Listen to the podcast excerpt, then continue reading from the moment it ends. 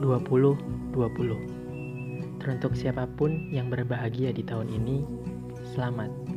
Dijaga ya bahagianya, dan jangan lupa untuk selalu bersyukur. Sedikit pesan untuk nantinya, siap atau tidak, teruslah berusaha bahagia. Karena sedih ataupun kecewa akan selalu hadir nantinya dari sisi yang tak terduga. Teruntuk siapa pun yang di tahun ini dikecewakan, ditinggalkan, sedih, dan menganggap tahun ini menjadi tahun yang paling buruk, satu kata yang harus kalian pegang dan lakukan. Mudah ditemukan, namun lumayan sulit untuk dilakukan, yaitu ikhlas. Karena dalam ikhlas terdapat rasa sabar dan bersyukur di dalamnya. Siapa pun dan apa pun itu di 2020 hanya ingin mengucapkan terima kasih atas pelajarannya. Terima kasih atas bahagianya. Terima kasih atas lukanya.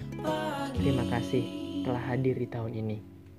Karena hanya perlu diyakini semua hal tersebut yang terjadi pasti punya dampak baik untuk ke depannya.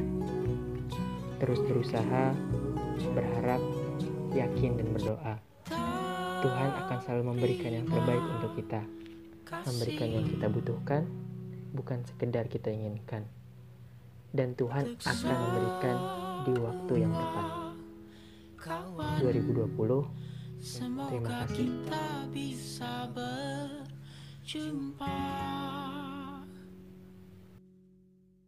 lagi.